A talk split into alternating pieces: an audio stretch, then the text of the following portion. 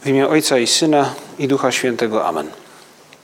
Panie mój i Boże mój, wierzę mocno, że jesteś tu obecny, że mnie widzisz, że mnie słyszysz.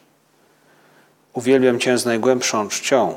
Proszę Cię o przebaczenie moich grzechów i o łaskę owocnego przeżycia tego czasu modlitwy.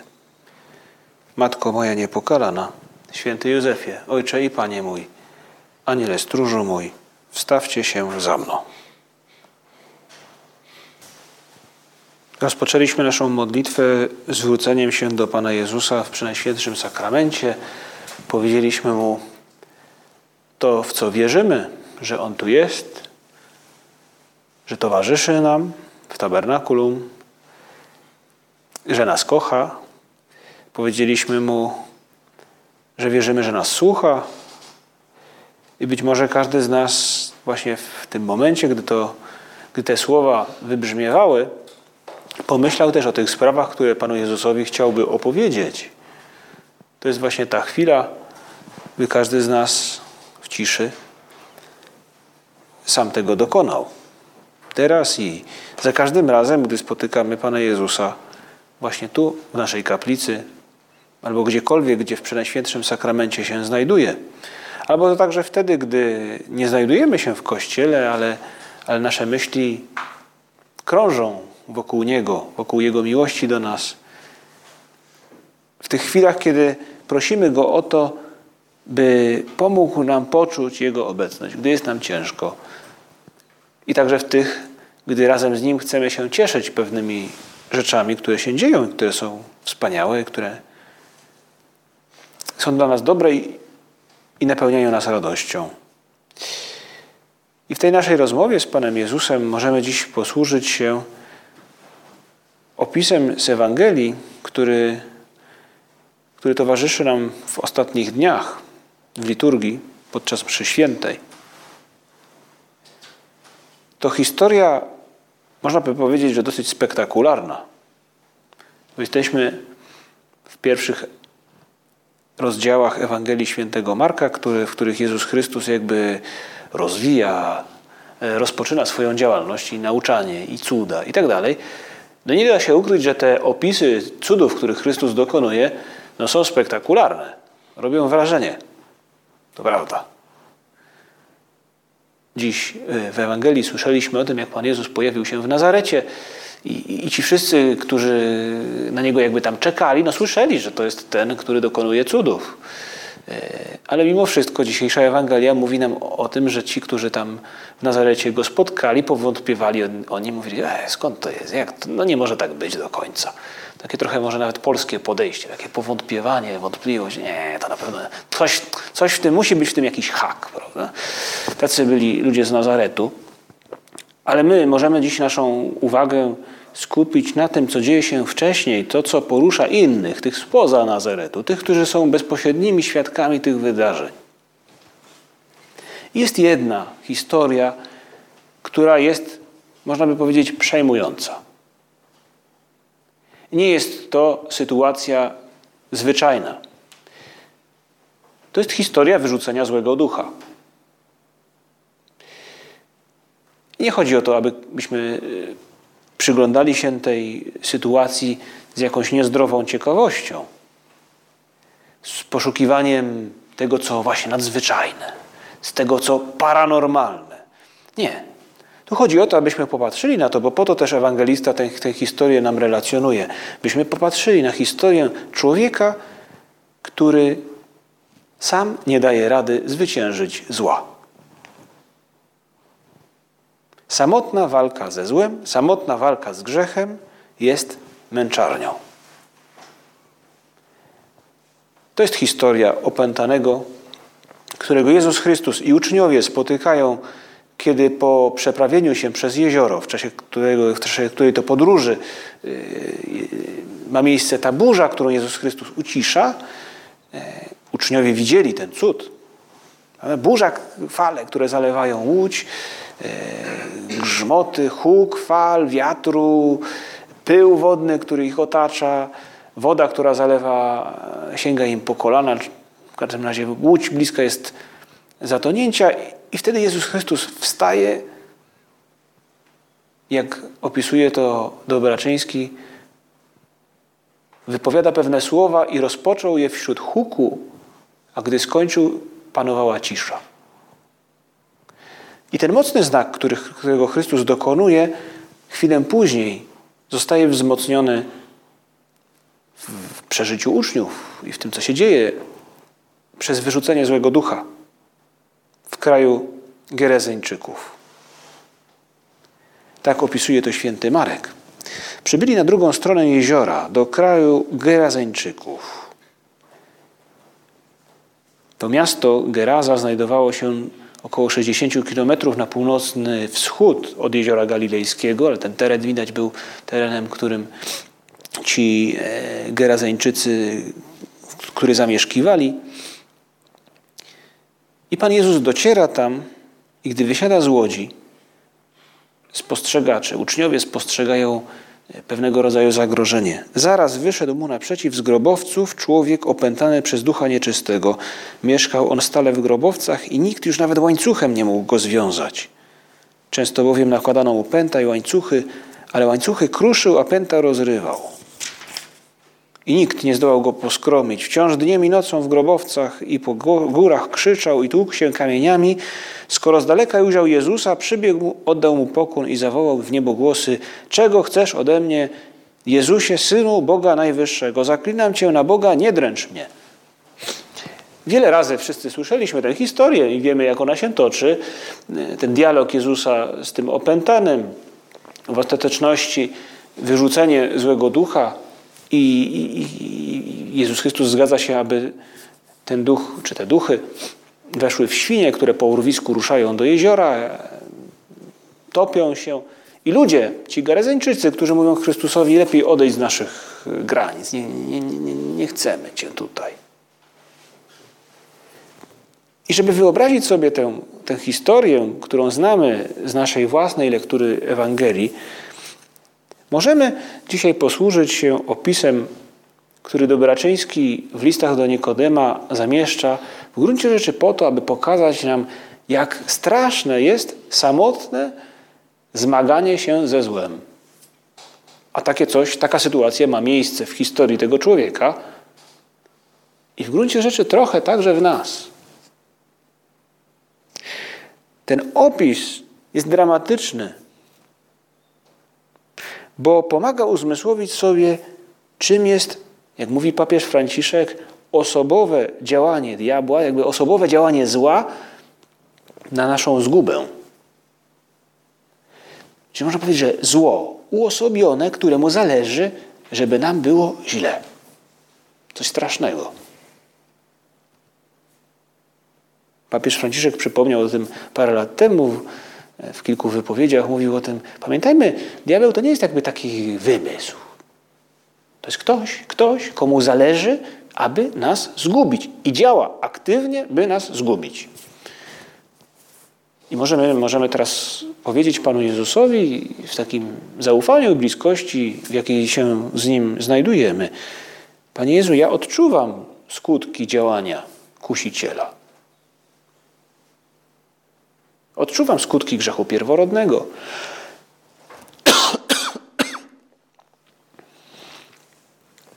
Docierają do mnie, poruszają mnie w jakiś sposób e, pokusy, walczę z nimi, upadam, mam swoje grzechy. My wszyscy doświadczamy zła, doświadczamy grzechu.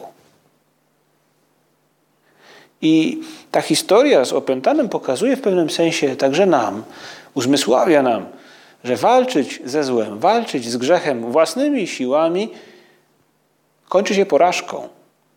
Nie da się ostatecznie pokonać zła przy użyciu tylko i wyłącznie sił ludzkich. I aby nam to uzmysłowić, można by powiedzieć, że Dobraczyński sięga po, po pewne efekty czy środki literackie. Może i tak, bo nie jest to Ewangelia przecież, ale jednak w pewnym sensie można powiedzieć, że Ewangelii jest wierny, choć niektóre może słowa czy, czy wydarzenia w pewien sposób sobie wyobraża. Ale właśnie po to porusza naszą wyobraźnię, aby do nas dotarła ta głęboka prawda. Walczyć samemu z grzechem, ze złem jest męczarnią, nieskuteczną męczarnią. Tak opisuje to Dobraczyński. Coś biegło w naszą stronę. W pierwszej chwili trudno było poznać człowiek czy zwierzę. Olbrzymia postać pokryta kudłami, błotem i zeschłą krwią. Od przegubu jednej ręki powiewał kawał urwanego łańcucha. Pojęliśmy, że mamy przed sobą szaleńca. Tamten biegł, nie przestając wydawać nieludzkich krzyków. Rzuciwszy wzrokiem na pastucha, zobaczyłem, że każdy z nich chwyta za ciężką maczugę i psy zaczęły przeraźliwie szczekać. Szaleniec musiał być niebezpieczny. Miał otwarte usta, jak zwierzę kłapał rzadkimi, ostro zakończonymi zębami. Jego zaciśnięte pięści były niby ogromne młoty. Ujrzałem jeszcze krwawe dziury na piersiach i na ramionach nieszczęśliwego. Wszyscy rzucili się do ucieczki. Obok mnie pędził Szymon. Ale odbiegłszy kilka kroków wrzasnął. Nauczyciel, nauczyciel. I obaj z Tomaszem zawrócili, by zasłonić mistrza. Inni zatrzymali się także. Szaleniec tymczasem dopadł Jezusa, który stał nieruchomo, nie zdradzając niepokoju. Nie rzucił się jednak na niego. Padł przy nim jak długi, zanosząc się wyciem, które przypominało równocześnie szloch i chichot. Z rozmachem uderzył głową o kamień, aż krew obryzgała mu czoło. Obu dłońmi darł trawę i wyrzucał ją za siebie. Z ciągle otwartych ust płynęła ślina gęstymi białymi pasmami. Nagle uświadomiłem sobie, że w krzyku szalonego dróżniam słowa. Precz, precz, idź stąd, Jezusie wrzeszczał. Precz, idź, synu jego, nie masz nic do nas. Czas twój jeszcze nie nadszedł. Precz, precz. Przebiegły mnie dreszcze.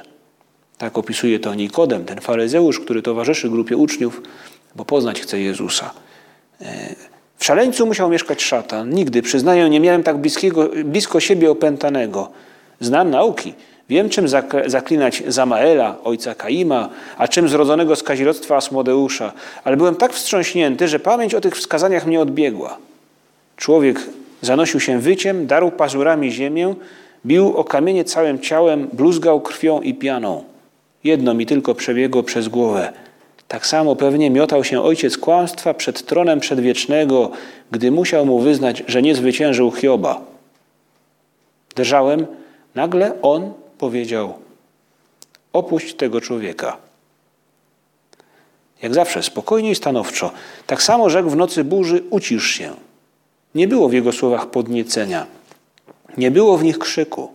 Po prostu rozkaz, który nie może być niespełniony. Leżący zawył jeszcze głośniej niż poprzednio, chrapliwie wołał. Gdy on tylko mówi, opętani wobec niego zawsze wrzeszczą. Dlaczego? Dlaczego? Ach, jak ty nas męczysz. Nie lękam się ciebie, zapiał nagle. Jest nas wielu. Jak się nazywasz? zapytał. Wielu, słyszałeś? Wielu. Nie starczyłoby ci dnia, by wymienić nasze imiona. Jesteśmy tu wszyscy, legion cały. Więc wszyscy opuśćcie go. Ach, człowiek zaskrzyczał, zaskrzeczał jak torturowany. Wbił zęby w ramię i wyrwał zeń kawał mięsa. Na dnie wrzasku rozlegał się coraz wyraźniej szloch, skomlał. Idź, zostaw nas, czego od nas chcesz, czemu nas dręczysz? Jednym skokiem człowiek poderwał się, przerzucił nogi do przodu i usiadł. Na jego czarnej twarzy, na okrwawionych ustach pojawił się uśmiech lękliwej prośby. Gdzież pójdziemy? zapytał. Ty wiesz, jak tam jest. Skurcz przerażenia wykrzywił mu wargi. Pozwól nam zostać, tutaj. Czarnym palcem wskazał domy Gerazy. Oni nas chcą, ciebie tam nie czekają. Pozwól, podzielimy się. Ty, ty, ty tam, my tu. Dawaliśmy ci cały świat, nie chciałeś, a bierzesz. Oni ciebie nie chcą, naprawdę mówię ci. Te stada są im droższe niż ty. Dlatego was puszczam w te stada. Idźcie. Człowiek rzucił się w tył i przez chwilę wił się w drgawkach. Coś niby poryw wiatru zerwało się koło nas i ze świstem, targając naszymi mokrymi płaszczami, uleciało w przestrzeń. Doszedł nas krzyk pastuchów i skowy psów, które uciekały z podwiniętymi pod siebie ogonami. Świnie nie ryły już w ziemi, biegły w kółko, kwicząc dziko i podnosząc ryje w górę. Potem nagle całym stadem niby lawina błota popędziły przez łąkę w stronę morza. Tu pod tysięcy racic rozległ się jak dalekie grzmoty. Pierwsze szeregi, do, szeregi dopadły urwiska i nie zwalniając biegu rzuciły się w wodę. Za nimi pchały się następne. Nic nie powstrzymało ich. Wszystkie, aż do ostatniej, wylatywały ponad skalną krawędź i niezdarnie wymachując krótkimi nogami spadały w wodę, która zamykała się nad nimi niby pokrywa. ani jedna z nich nie wypłynęła. Morze pożarło olbrzymie stado co do sztuki. Tak Nikodem, który towarzyszy w tej historii opisanej przez Dowaczyńskiego uczniom i Panu Jezusowi, w żywy sposób opisuje tę dramatyczną historię opętanego, który nagle stał się zdrowy. Przy zdrowych zmysłach napotkali go jego pobratymcy.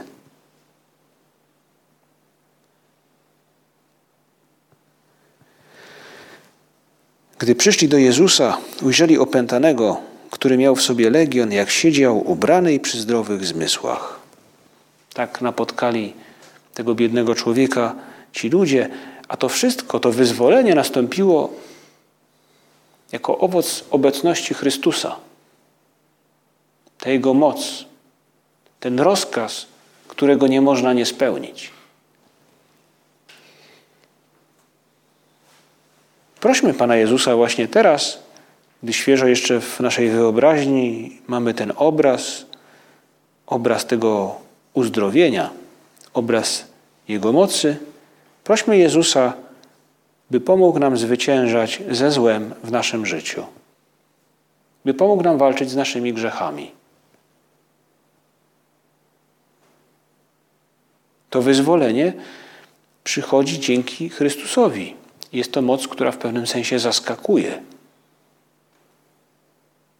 Nie spodziewał się jej w gruncie rzeczy ten zły duch czy złe duchy, nie spodziewali się też tej mocy ci, którzy zamieszkiwali ten kraj. Ale ta moc,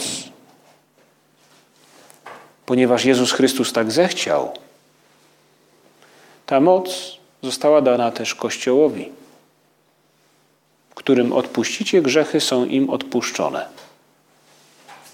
Tak Jezus Chrystus przekazał tę swoją moc, tak bardzo nam potrzebną, przekazał ją Kościołowi, swoim apostołom. I my Ci dziś, Panie Jezu, chcemy podziękować za to, że ta moc Twoja jest dla nas do dyspozycji w sakramencie pokuty, w sakramencie spowiedzi. Moc, która przezwycięża grzech, moc, której potrzebuję, jeśli nie chcę być w gruncie rzeczy człowiekiem skazanym na niepowodzenie, jak ten biedny opętany. I choć nasza sytuacja, miejmy nadzieję, nie jest tak tragiczna, tak, tak głęboka jak w historii tego człowieka, to jednak chyba żaden z nas nie chce, aby no, czuć się bezsilny, tak jak on. Nie chce przeczuwać porażki, tak jak on.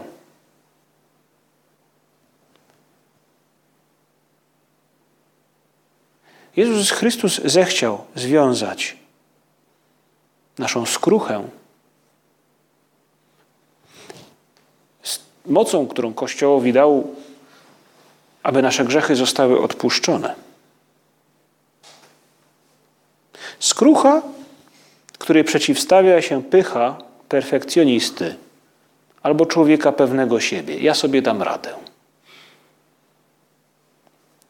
Skrucha, która polega na żalu, a także na pewnym uznaniu, zaakceptowaniu, że sam miotam się i szarpię, jak ten nieszczęsny człowiek w historii opisanej przez Ewangelię.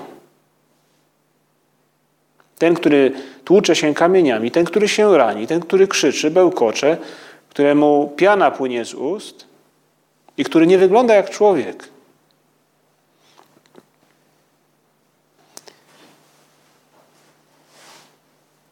Jezus Chrystus zechciał związać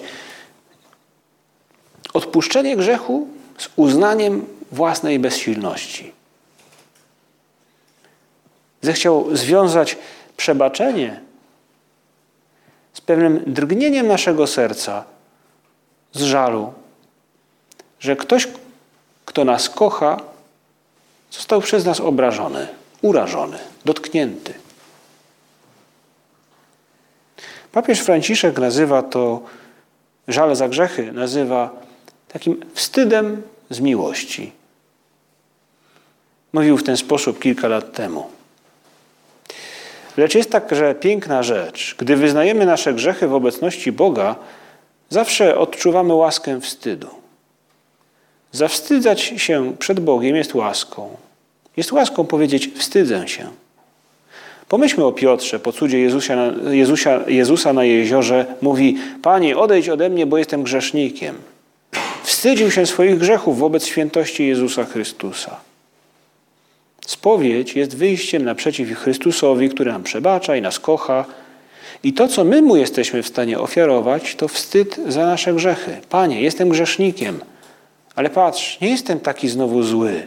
Jestem w stanie się zawstydzić. Panie Jezu,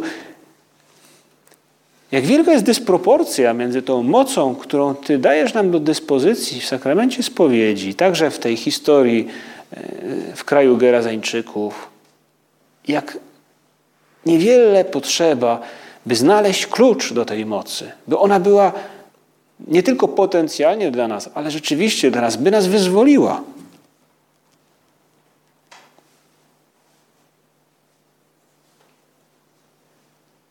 I ciesząc się tą obecnością tej mocy w Kościele, w naszym życiu, zastanówmy się dzisiaj, mając właśnie świeżo w głowie, w wyobraźni obraz tego opętanego, tak dramatyczny, który jest sam, gdy zdany jest tylko na własne siły, jest sam.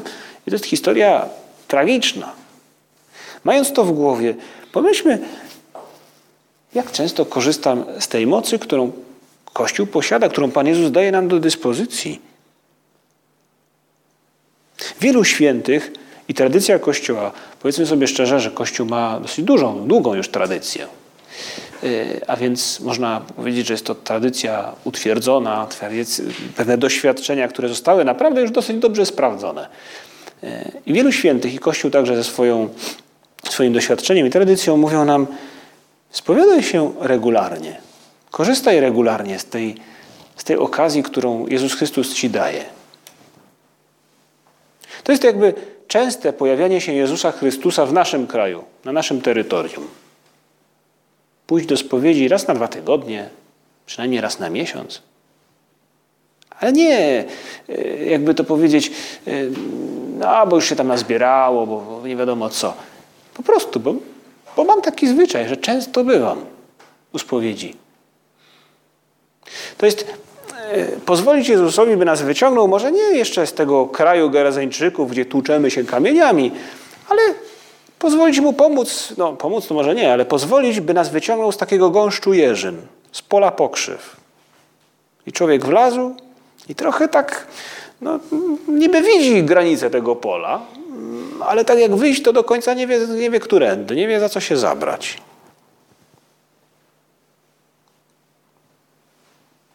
Popatrzmy na zło, które nam zagraża. Popatrzmy na zło, które nas otacza. Może do niektórych z nas przemawia ten obraz w filmie z Władcy Pierścieni, gdy rozgrywa się ta ostateczna bitwa. Garstka, garstka wojsk można powiedzieć, po dobrej stronie, otoczona przez siły zła. I tak jak oni i my jesteśmy, jeśli zdani jesteśmy tylko i wyłącznie na własne siły, zostaniemy otoczeni, pobici. A Panie, dobrze, Panie Boże, jak dobrze jest wiedzieć, ufać Tobie, że to wcale nie musi się tak skończyć, jeśli skorzystam z tej mocy, którą Ty dałeś Kościołowi, jeśli Będę się regularnie spowiadał, żałując za moje grzechy, wiedząc, że, nie, że żal nie polega na obiecaniu, że nigdy już tego nie popełnię, ale właśnie polega na tym przyznaniu się, Panie Jezu, jestem bezsilny, chciałbym być inny. Wstydzę się z miłości. Nie dlatego wstydzę się, bo nie jestem doskonały. Nie, wstydzę się, bo Ty, który mnie ukochałeś, przez to, co zrobiłem, przez to, co, co mi się przydarza, w jakiś sposób Masz prawo czuć się urażony. Ale to wyzwolenie, które Jezus Chrystus nam przynosi, tak jak przyniósł temu biedakowi w kraju po drugiej stronie jeziora, dotyczy nie tylko wyzwolenia od zła w znaczeniu przebaczenia grzechów, Ale Chrystus pomaga nam walczyć ze złem także w inny sposób, gdy wzmacnia nasze ludzkie władze, abyśmy skuteczniej walczyli my sami. Chrystus wzmacnia, daje światło naszemu rozumowi, a także wzmacnia naszą wolę. W pewnym sensie Jezus Chrystus pomaga nam nie być takim budyniem, a więc człowiekiem, który nie walczy. Co to znaczy być budyniem? Myślę, że każdy z nas ma, może ma swoje pojęcie i budyniu, i też budyniowatości. Ale chyba każdy z nas potrafi poczuć się budyniem, kiedy, budzi, bu, kiedy budzik dzwoni rano, prawda? Może są dni, w których ta budyniowatość jest mocniejsza, w inne może nie istnieje.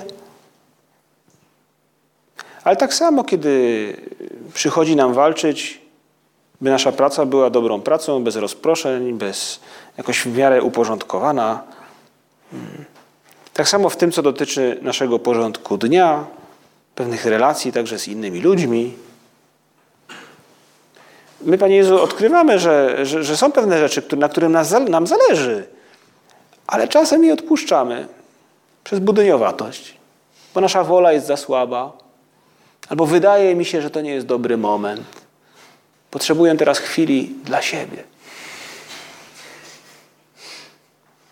Jezus Chrystus z jednej strony daje nam motywację. Jak mówi święty Paweł, miłość Chrystusa nas przynagla, bo patrząc na to, co czyni Bóg dla mnie, można powiedzieć, że weź się stary schowaj. Prawda? ja nie mogę sobie pozwolić na to, na bycie byle jakim. Nie mogę sobie pozwolić na bycie budyniem. No to mnie motywuje. Myślę, że może nie jednego z tu obecnych super dziewczyna też motywuje. Nagle się okazuje, facet poznał super dziewczynę i nagle stanął na nogi. I pod względem wyglądu, i pod względem zachowania. Podobnie w naszym życiu duchowym Jezus Chrystus, Jego miłość wobec nas jest czymś, co nas stawia do pionu. Ale Chrystus nie tylko nam daje motywację, także nas wzmacnia swoją łaską. Dlatego, gdy przyjmujemy Jezusa Chrystusa w Komunii Świętej, w Eucharystii, która jest pokarmem, ten sakrament sprawia, że obecna jest w nas miłość Chrystusa, która daje naszemu rozumowi dodatkowe światło, wzmacnia go, nasz rozum. I wzmacnia też naszą wolę, daje jej siłę, abyśmy nie byli budyniem. Przebaczenie grzechów i wzmocnienie w walce. To jest to, co Chrystus nam oferuje, to jest to, co nam daje. Samotność, walka samotna ze złem jest straszna, tragiczna. Bez Jezusa pozostaje rozpacz i beznadzieja. Taka jest historia Judasza, który zapomniał, że nawet na niego czeka Jezus. Dziś w tej historii z Nazaretu widzimy tych ludzi, którzy słyszeli na pewno o Gerazie, słyszeli o, o tym, od uczniów pewnie, o tym, co działo się na, na, na morzu czy na, na tym jeziorze, o tej burzy. Słyszeli o innych cudach Jezusa i Jego nauczaniu. Ta wątpliwość, brak wiary powoduje, że jak mówi Ewangelia, Jezus Chrystus niewiele tam cudów dokonał. Jego moc nie, nie uwidoczniła się zbytnio, bo brakowało im zaufania. Dzisiaj ta historia z Ewangelii może w nas pobudzić nas do, do zaufania, większego zaufania Chrystusowi. Może nas skłoni do tej regularnej, częstszej spowiedzi. Może nas skłoni do tego, by prosić o tę siłę do walki. Ale to, co na pewno, Panie Jezu, dzisiaj możemy w sobie zainstalować, zakodować, to to, że z Tobą walka nie tylko ma sens, z Tobą jest możliwa. Jakich kolorów nabiera bezbarwne, bezbarwne życie Mateusza, gdy idzie za Chrystusem, gdy mu ufa? Takich kolorów nabiera pokręcone życie Marii Magdaleny, optymistyczne i żmudne, staje się żmudne życie Szymona Piotra i jego brata Andrzeja, gdy Chrystus ich spotyka przy łowieniu ryb. Podkoju nabiera gwałtowne, wybuchowe życie Natanaela. Tak jest życie z Chrystusem. Po drugiej stronie są wszystkie przeciwieństwa. Bez Jezusa brak pokoju, pesymizm, komplikacje, bezbarwność.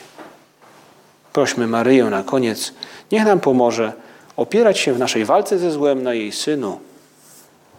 Matko nasza, pomóż nam razem z Twoim Synem, opierając się na Nim, przezwyciężyć to zło, które zagraża naszemu szczęściu, a którego tak bardzo pragnie dla nas Twój Syn.